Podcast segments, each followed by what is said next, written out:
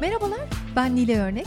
Kombinin mucidi Vayla'nın sunduğu kafa rahatlatan sohbetlerin 3. sezonuna hoş geldiniz. Bu bölümde konumuz yemek.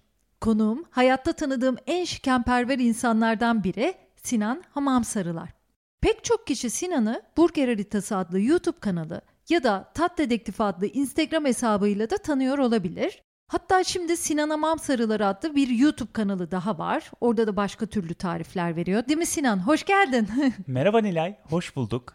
Şimdi anlatsana o kanalların farkı ne? Nerede ne yapıyorsun? Kısaca bir anlat ondan sonra konumuza geçelim.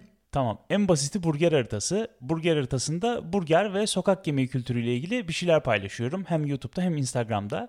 Tat Dedektifi benim ilk açtığım aslında sosyal medya hesabı. Onu Instagram'da açmıştım. Tat Dedektifi hala Instagram'da devam ediyor. Bir de kendi ismimle Sinan Amamsarlar'la bir YouTube kanalı açtım. Orada aklımdan ne geçerse, gönlümden ne koparsa hem tarif hem deneyim her şeyi paylaşmaya çalışıyorum. Ya babka nedir ya? Öyle bir şey paylaştın. Bir şeyle bir şeyin evliliği mesela. Ne absürt şeyler deniyorsun. Ya şunu konuşalım mesela yemekte. Biz Sinan'la önceden dedik ki ne konuşalım? Yani benim tanıdığım en yemek konusunda konuşmayı seven, yemek konusunda eyleme geçmeyi seven insanlardan biri. Hem yemek yapıyor, hem yemek konuşuyor ve sürekli yemek düşünüyor gibi bir tarafı var. Her şeye bir tekniğim var, bir kafam var. Sence iyi yemek yapmak için nelere ihtiyacımız var? İyi yemek yapmak için birazcık, çok azıcık temel kimya bence gerekiyor. Birazcık bazı şeyleri görmüş, denemiş olmak, tadına bakmış olmak ya da haberdar olmak yine önemli. Birazcık özgür olmak, hani denemeye açık olmak yine önemli.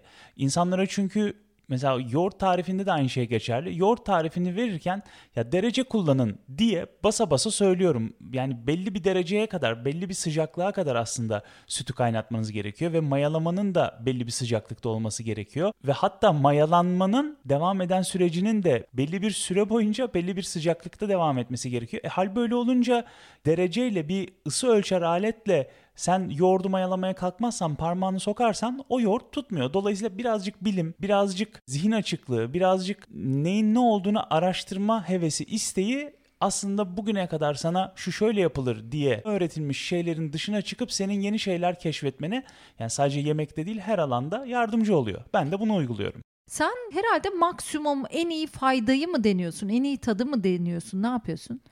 Yapmaya çalıştığım tabii ki en iyi fayda çünkü vakit harcıyorsun ya da para harcıyorsun. Yani başka bir şeyden örnek vermeye çalışayım. Mesela bir kuru fasulye tarifi vereceğim zaman o kuru fasulye tarifini ya tabii ki bir buçuk saatte atıyorum düdüklü tencerede bir kuru fasulye yapabilirsin ama ben en iyi fasulyeyi nereden bulurum? En doğru soğan nedir onun için? Bunu tereyağıyla yapmaya kalktığım zaman en lezzetli tereyağını nereden bulurum diye bir vakit harcayıp şimdi her yemekte böyle mi yapıyorsun diye dinleyenler düşünebilirler ama hakikaten her yemekte böyle yapmaya çalıştığım için şimdi benim kuru fasulye 3 küsür saatte pişiyor.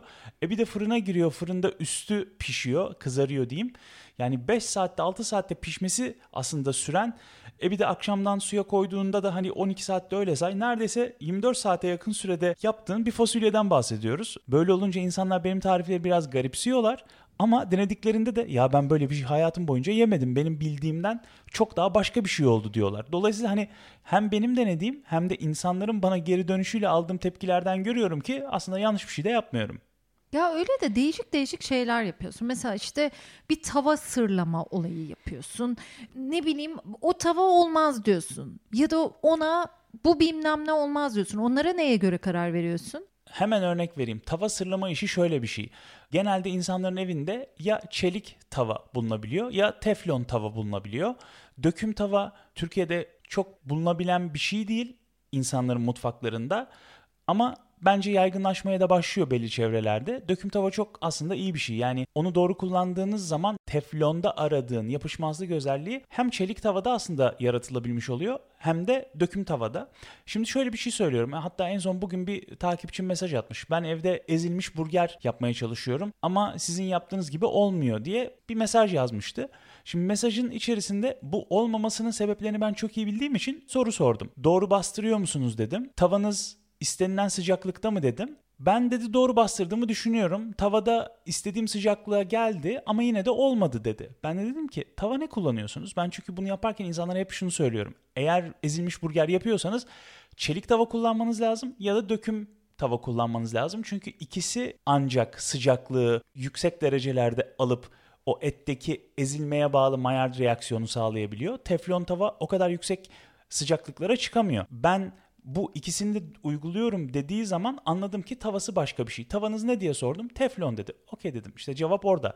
Teflon tava kullanırsanız et sırlamak için eti sırlayamazsınız. Çünkü teflon tava biraz önce söylediğim gibi o yüksek sıcaklıklara çıkmıyor. Ama bir döküm tava kullanmış olsa ya da çelik tava kullanmış olsa onlar yüksek sıcaklığa çıkacak. Köftenin kıymasını tavaya koyduğu gibi birazcık bastırsa bir 10 saniye bastırdığında hemen istediği o karamelize olmuş et görünümünü, Maillard reaksiyonunu yakalamış olacak. Ama çok ağır ya o döküm tavalarda. Döküm tava ağır ve yapacak bir şey yok. Bir ev kadınının kullanması çok pratik gelmiyor bana bazen. Bana da zaten genelde ev kadınları çok yazmıyor.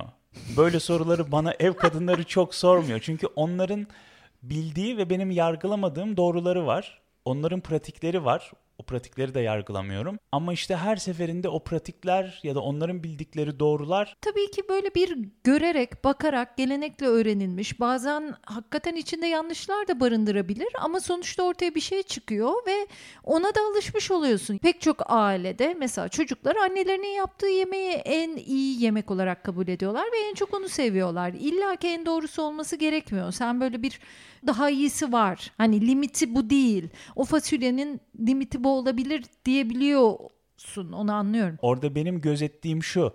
Yani çok basit bir şey. Bir kuru fasulye yiyorsan o kuru fasulyenin hani ya bu 10 üzerinden 8-9 kardeşim dediğin fasulye aslında 10 üzerinden 8-9 değil. Ondan çok daha iyi fasulyeler var. Yapılabilir. Yapmanın yollarından birkaçını gösteriyorum fasulye için. Ya da işte demin örnek verdin babka yapıyorsun diye. Babka bir tür ekmek. Hani keke de benziyor ama aslında bir ekmek hani böyle biliyorsun. Genelde çikolatalı ya da tarçınlısının bir başka versiyonu gibi düşünebilirsin. O babkayı yaparken de ya işte unu elemek ya da unu elememek ya da tereyağını oda sıcaklığında kullanıp kullanmamak ya bütün tarifi değiştiren şeyler. Sen eğer hani doğru dediğim şey aslında o. Yani bir tarifin optimumunu her zaman yakalayabilirsin. Bir şekilde duyduğunu, öğrendiğin, gördüğünle ama ben maksimum faydayı almaya çalıştığım için ya o un elenecek. Nokta. Ya da o tereyağı oda sıcaklığında olmak zorunda. Nokta. Bunlar olmazsa o tarifte o zaman başka bir şey oluyor. O yüzden optimumla yetinmiyorum. Bir şey yiyeceksem iyi halini yemek istiyorum. Ben de sonuna kadar uğraşıyorum. Peki şu kimyadan bahsedelim. Bence de o çok önemli. Yemeğin kimyası. Tadı, kokusu, rengi böyle kitaplar da var zaten. Hani hangi tatlarla hangileri uyumludur gibi. Seninle hep konuştuğumuz konulardan biri. Mesela dün bir şadok kestin sen. Ben onun tadına bayılmıyorum mesela ama çok iyi meze diyorlar ona. Çok sevenler de var. Ben greyfurtla yetinebilirim. Ama mesela sen onu aldın, üstüne wasabili bir tuz ektin. Bambaşka bir şey haline getirdin. Bu nasıl oluyor? Ya da sürekli böyle bir tad uyumu bulabiliyorsun ve bir şeyi daha çok lezzetlendirebiliyorsun. Şimdi bizler kafamız daha rahat olsun diye bu sohbetleri yapıyorsak biraz senin mükemmeliyetçiliğinden uzaklaşalım ve biraz daha kafamızı rahatlatalım. Bize birkaç kolay böyle pratik bir şeyler öğret. Şimdi Shadok'taki bir ayrım var. Onu söylemem gerekiyor. Shadok, pomelo, ağaç kavunu hepsi aynı meyveler. Hatta bizim bildiğimiz mandalina yine Shadow'un aslında bir şekilde yakın kuzeni. Hatta portakal da greyfurt ile Shadow'un aslında melezi diye düşünebilirsin. Yani portakalın atalarından biri Shadok ya da pomelo ya da ağaç kavunu. Şimdi onun kendine has bir ekşiliği ve tatlılığı var. O ekşilik ve tatlılık bir yerde bütün hani bildiğin tatlı, ekşi, acı, tuzlu falan hani bir tat dengesi vardır ya orada bir yerlerde bir şey eksik kalıyor. Antalya'da da bu nariyenciyelerin soğuk hallerini bir şekilde tuzla beraber yemek bazılarının alışkanlığıdır. Yani Antalya'da herkes mutlaka mesela greyfurtu tuzlu yer diyemem ama benim çok tanıdığım insan greyfurt yerken onu özellikle soğutup tuz döküyorlar. Şimdi bir şeyi soğutmak tat profilini, aroma profilini kapamak anlamına gelirken onu tuzla yemekte dildeki duyargaları açan bir şey. Şimdi senin soruna hemen geri döneceğim. Ben Shadow'a neden tuz koyuyorum? Shadow'un o tatlı ve ekşi tat profilini dengelemek için. Tuz koydum. Tatlı, ekşi, tuzlu. Okey. Orada bir şey daha eksik kaldı. Ne? Acı. Wasabi'nin de kendi acılığı var. Yani şimdi ya diyeceksin ki bir meyve yerken tat profili mi gözetiyorsun? Ya hayır tabii ki gözetmiyorum ama hani basit bir şey yerken de ya akşam evde oturuyorsam eğer onun belli bir hayaliyle hazırlığına girişmişsem onu da bir yere götürmek için yani kafamda onun biraz önce söylediğim gibi maksimum zevkine ulaşmak için onu bir aslında tambura sokuyorum. O tamburda bakıyorum o çözülüyor. Santrifüj gibi düşün böyle kan tahlili yaptırdığın zaman senin kanını alıp tüpe koyarlar ve pıhtısı ayrılır ya onun gibi düşün. Ben de alıyorum o bildiğim tadı bildiğim aromayı beynimdeki yemek santrifüjüne koyuyorum. Onu parçaladığım zaman ne çıkıyor? Aha tamam bunda tuzlu var diyorum. Aha tamam bunda tatlı var diyorum. Ekşi var diyorum. Acı var diyorum. Şimdi pomelo'da şöyle bir şey var. Tatlılık ve ekşilik var. Tuzluluk ve acılık yoktu. O yüzden mesela wasabili tuz kullandım. Fevkalade güzel oldu. Bunu bu örnekten birazcık daha genişe çıkardığımız zaman gözettiğimiz şey şu. Mesela diyelim ki bir kuzu incik, kuzu kol, uzun pişmişini düşünüyorum. Şimdi ben uzun pişmiş bir kuzu eti yerken bunun yağlılığını, bunun aromalarını bir şekilde dengelemek için yanına tatlı bir şeyi çok yakıştırıyorum. Sadece ben yakıştırmıyorum. Dünyada da buna benzer pek çok uygulamayı yapan hem insanlar var hem de şefler var. Yani yağlı bir et yiyorsan yanına şekerli bir şey, daha sonra şekerli demeyeyim de tatlı bir şey yediğin zaman o yağlılığı dengeliyor. İşte bazıları chutney kullanıyor. Arka arkaya çok fazla hayvansal bir şey söyledim. Bir de üstüne sebzelerle ilgili bir şey söyleyeyim. Mesela nane, maydanoz, dereotu bunları yerken neden insanlar salata yaparken ya da böyle direkt kendileriyle yerken neden üstüne limon sıkarlar? Aslında bu yeşilliklerin kendince bir ferahlığı var ama o ferahlık yine bazı yerlerde yetmeyebiliyor. Yani siz orada bir yine aslında aynı aroma profilinden bahsediyorum. Bazı durumlarda onlara tatlı bir ye diyebilirsiniz. O tatlılığı dengelemek için ekşi bir şeyle aslında maydanozu, naneyi ya da dereotunu insanlar beraber kullanıp tüketiyorlar. Bütün hepsi aslında aynı yere gidiyor. Bazı tatlar var ortada, bazı aromalar var ortada. O aromaları dengelemek için onun zıtıyla ya da benzeriyle yani karşılıklı söylüyorum bunu. Hem bir zıt tadıyla ya da bir zıt aromasıyla ya da aynı şekilde benzer tadı, benzer aromasıyla onu dengeleyebiliyorsun. Bu aslında pek çok mutfakta, pek çok şefin, pek çok kültürde uyguladığı, yaptığı bir şey. Peki pandeminin ilk günlerinde herkes ekmek yaptı. Google'da sonuçlarını açıkladı ya en çok aranan maddelerden biri ekmek. Şimdi sence neye bakacak insanlar? Ekmeği öğrendiler artık. Ben ekmeği öğrendiklerini düşünmüyorum. Ekmeği öğrenme yolunda olduklarını bildiğim için şöyle bir şey görüyorum. Mesela evet ben de işte sosyal medyada hesaplar görüyorum. İnsanlar ekmeklerini yapıp paylaşıyorlar. Şimdi önce tarif kopyalama dönemiydi insanlar için. Yani ilk bizim Nisan'da Mayıs'ta kapandığımız dönemde herkes birbirinden aa ekşi maya nasıl yapılır? Ha hadi bir ekşi maya ekmek yapayım da ben de yapmış olayım.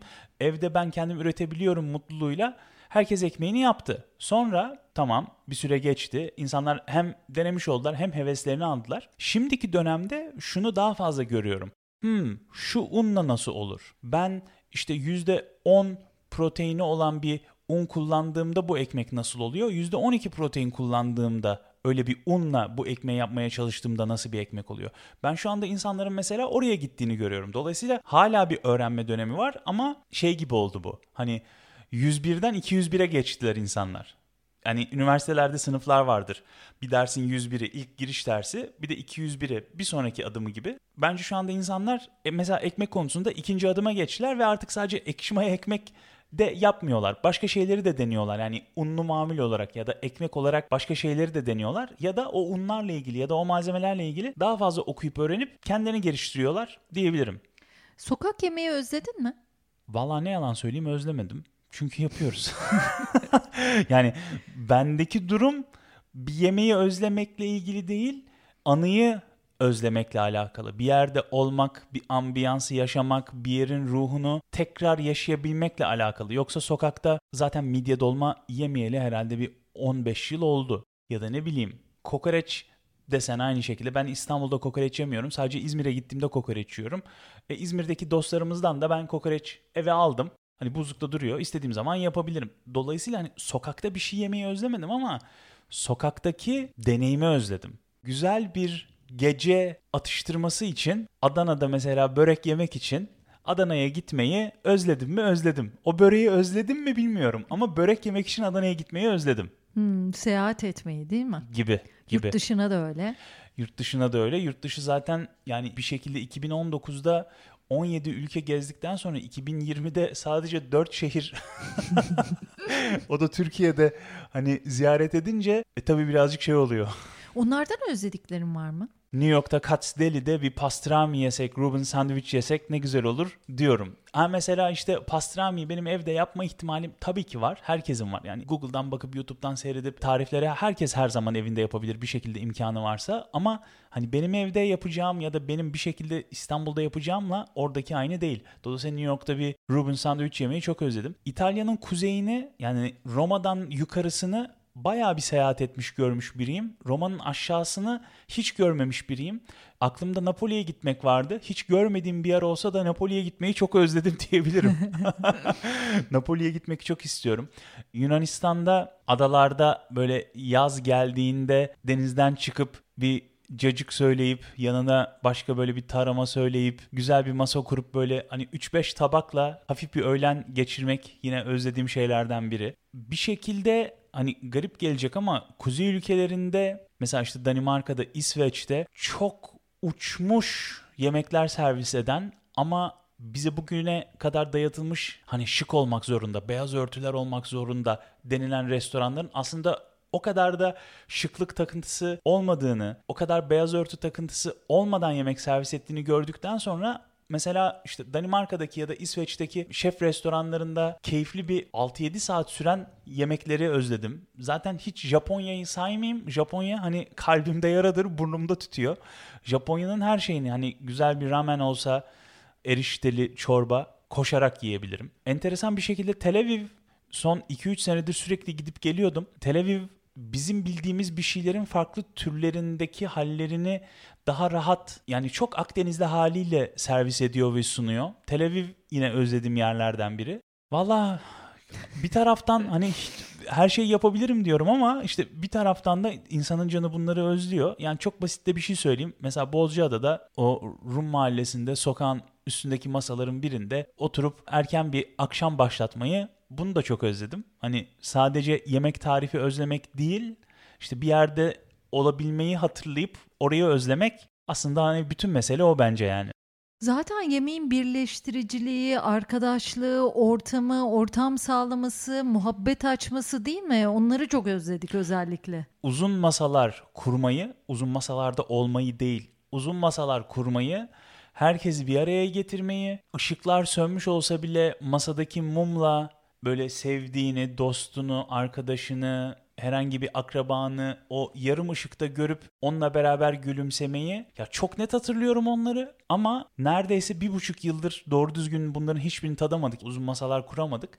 Şu iş hafifledikten sonra muhtemelen ilk yapacağım iş peşi sıra haftalar boyunca uzun masalar kurup eş, dost, ahbap, akraba, tanıdık kim varsa onları çağırıp keyifli bir şekilde sohbet edip böyle uzun masalarda yemek yemek olacak herhalde. Ya bir de insan yaptıktan sonra yedirmek istiyor değil mi? Benim içimde bir teyze var ya. Ye yavrum teyzesi.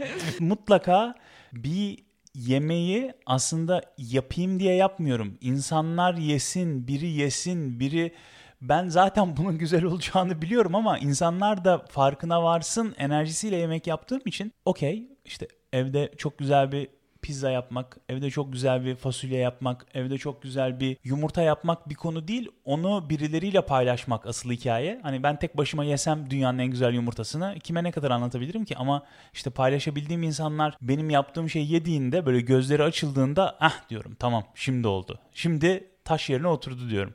Ya tabii güzel bir şey yerken ailemin bir kısmının yanımda olmamasını üzülüyorum yani. Çok uzak değiliz ama otomobilsiz bir insan olarak onları ikide bir götüremiyorum. Onlar gelemiyor. Birlikte paylaşamıyoruz. 40 yılda bir görüştüğümüzde de böyle tamamen lezzet alışverişi üzerine konuşuyoruz.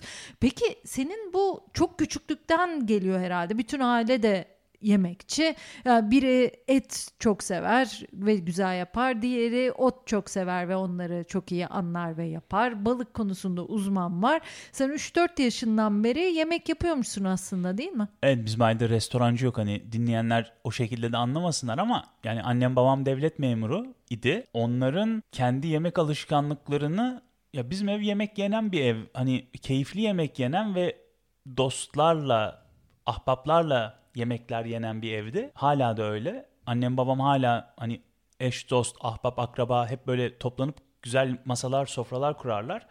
Şimdi hal böyle olunca ben de ya dediğin gibi işte 3 yaşında 4 yaşında bir şekilde hani yemek yapmaya başlamışım. Şimdi 4 yaşında çocuk ne yemek yapacak diye yine dinleyenler soracaklardır ama yani işte basit bir şey bir şeyle karıştırma. Bir şeyi bir şeye koyma ya da işte annemin bana yardım etmesiyle babamın bana göstermesiyle atıyorum işte tavadaki tostu çevirme ya da gözlemeyi yapma, köftenin altını üstünü çevirme, mangalın başında durma gibi şeylere o zamandan alışmışım. Gönül oraya gitmiş. Eğer atom parçalasaydı babam herhalde atom parçalardım ben de. CERN'de çalışırdım şu anda. Ya baban da mühendis yani sonuçta. Adam köprüler möprüler yapıyor yani. Ee, ya orası öyle ama işte hani eve geldiğinde insan... Köprü ya, yapmıyor. Evet. E, CERN'deki adam da atom parçalamıyor hayatım. Tanrı parçacını evdeki arayanını görmedik. ya işte evde ne aslında görüyorsan ona devam ediyorsun. Benim hikayem de aynısı yani. Bizim evde güzel yemek yapılırdı, güzel sohbetler olurdu. Ben de aynı şekilde güzel yemek yapıp güzel sohbetlere bir şekilde ya ev sahibi olmaya çalışıyorum ya da dahil olmaya çalışıyorum. Peki kafa rahatlatan birkaç yemek söyle öyle bitirelim bence. Yani böyle bize iyi gelsin. Valla ben güzel bir pilav ve kuru fasulyeye her zaman varım. Evet bu bölüm kuru fasulye bölümü. Kuru fasulyeli bir bölüm oldu. Hatta yani yanında bir güzel manda yoğurdu, turşu falan bunlara bayağı tamamım yani.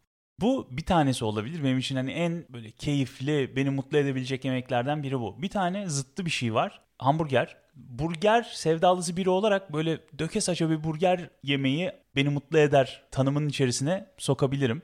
Öyle bir şey var. Vallahi ne yalan söyleyeyim bir de tatlının insanı mutlu ettiğine ben bir şekilde inanıyorum. Kanalımdaki en son işte yayınladığım tariflerden biri olan babka tarifi. Senin açılışta söylediğin bir şey bir şeyle evlenirse falan diye söylediğin aslında tarif oydu. Panettone ben çok seviyorum. İtalyanların Noel keki ekmeği diyeyim. İşte panettone sevdamı panettone bana çok uzun geldiği için yapması neredeyse 100 saat sürüyor. 100 saatte panettone yapmaya üşendiğim için Panettone'nin bazı disiplinlerini alıp babkaya uyguladım ve babka tone diye bir şey yaptım. Böyle kakaolu fındık kremalı. Mesela o da bayağı beni mutlu edecek ve insanları da bence mutlu edecek şeylerden biri. Evet. Tarifini merak eden varsa gidip YouTube kanalımdan da bakabilirler. Ay şu anda yüzünü görmelisiniz. Delirmiş gibi anlattı. Sen döner de çok seversin. Mesela lahmacun da güzel olur. İçi böyle söğürmeli falan değil mi? İçli köfte de olur o zaman. Yani çiğ köfte de olur. Oralara giriyorsak hani konu öyle başlıyorsa bir soğan piyazı böyle öf. Tabii. Yani ama işte Pide olsun mesela. Yani insanı hamur işi sanki bir rahatlatıyor. yani tabii şimdi artık herkes glutensiz yeme üzerine konuşurken böyle demem absürt ama yani bir hamur işi, acı, yoğurt, böyle kıyma falan girince işin içine her şey yenilebilir oluyor bence. Tamam, yani sen, mantı ve türevleri, pide. Sen Karadeniz pidesini al, ben Aydın pidesini alayım. Mevzuyu da öyle bağlayalım. Evet, Aydın pidesinin özelliğini bir anlat. Sen çok seversin. Böyle kaymaklı da o da çok güzel olur ya. Ya Onlar... Aydın pidesinin özelliği diye şimdi Aydın'ın da belli tip pideler özellikle yapılıyor. İşte Nazilli gülü diye yuvarlak kıymalı bir pideleri var. Bence tahinli pideyi çok acayip bir haliyle yapıyorlar. Onun haricinde Bozdoğan'da işte bizim zaman zaman uğradığımız Mikado'da enteresan peynirli yumurtalı neredeyse içi omlet gibi olan bir pide var. Bunları tereyağıyla servis edebiliyorlar, kaymakla servis edebiliyorlar. İstiyorsanız üstüne limon sıkabiliyorsunuz. Mevsiminde denk gelirseniz turunç sıkabiliyorsunuz. Dolayısıyla Aydın'daki pide işi çok yönlü, çok çeşitli. Oraya girersek oradan çıkamayız. Hiç ben o topa girmeyeyim ama Aydın pidesini ben severim. Ya tabii. Bu arada Tarsus'ta hiç konuşulmuyor ama Hatay varken, Antep varken değil mi? Yani efsaneydi. Şimdi sen öyle deyince düşündüm. Orada kuş gözü diye bir küçük böyle lahmacunumsu bir şey yapıyorlardı. Bardak altı kuş gözü. Ee, yani acayip güzel Tam şeyler. Tam bardağın altı kadar. Yani kuş gözü denmesinin sebebi o. Bir su bardağının altı büyüklüğünde lahmacuna benzeyen kıymalı ekmekler düşünün. Eğer bugüne kadar hiç yememişseniz ya da hemen bir Google aratması yapmayacaksanız işte dediğim gibi bardak altı denen ya da kuş gözü denen o mamül bayağı hani böyle kendini kaptırırsan yanlışlıkla 20-30 tane yiyebileceğim bir şey. Ben şey yapıyorum toparlamaya çalışıyorum. Sen sürekli topu bana kaldırıp kaldırıp tabii, tabii yumuşatıyorsun. daha açacaktım. İzmir, Ege şudur budur ama biraz burada kapatalım istersen daha acıktırmadan kafa rahatlatan, mide açan sohbetlerde. Kafaları da açtık, mideleri de açtık öyle oldu. Evet kısa bir e, tadımlık sohbet yapmış olduk yemek üzerine. Bazen yani diyorum ya Sinan'ın bazı teknik merakı hoşuma gidiyor benim. E, bir şeyi derinlemesine öğrenme isteği, o şikenperverliği, e, sabah akşam yemek düşünmesi. Güzel çoğumuz böyleyiz zaten değil mi ülkede? Yani yemekle oturuyoruz, yemekle kalkıyoruz. Sofralarda bile yemek konuşuyoruz. Güzel oldu. Öyle. Ben de kapatayım şimdi istersen. Kombinin mucidi Vala'nın sunduğu kafa rahatlatan sohbetlerin yemekle ilgili bölümünün de sonuna geldik. Görüşmek üzere. Çok teşekkürler Nilay. Sağ ol. Bay bay.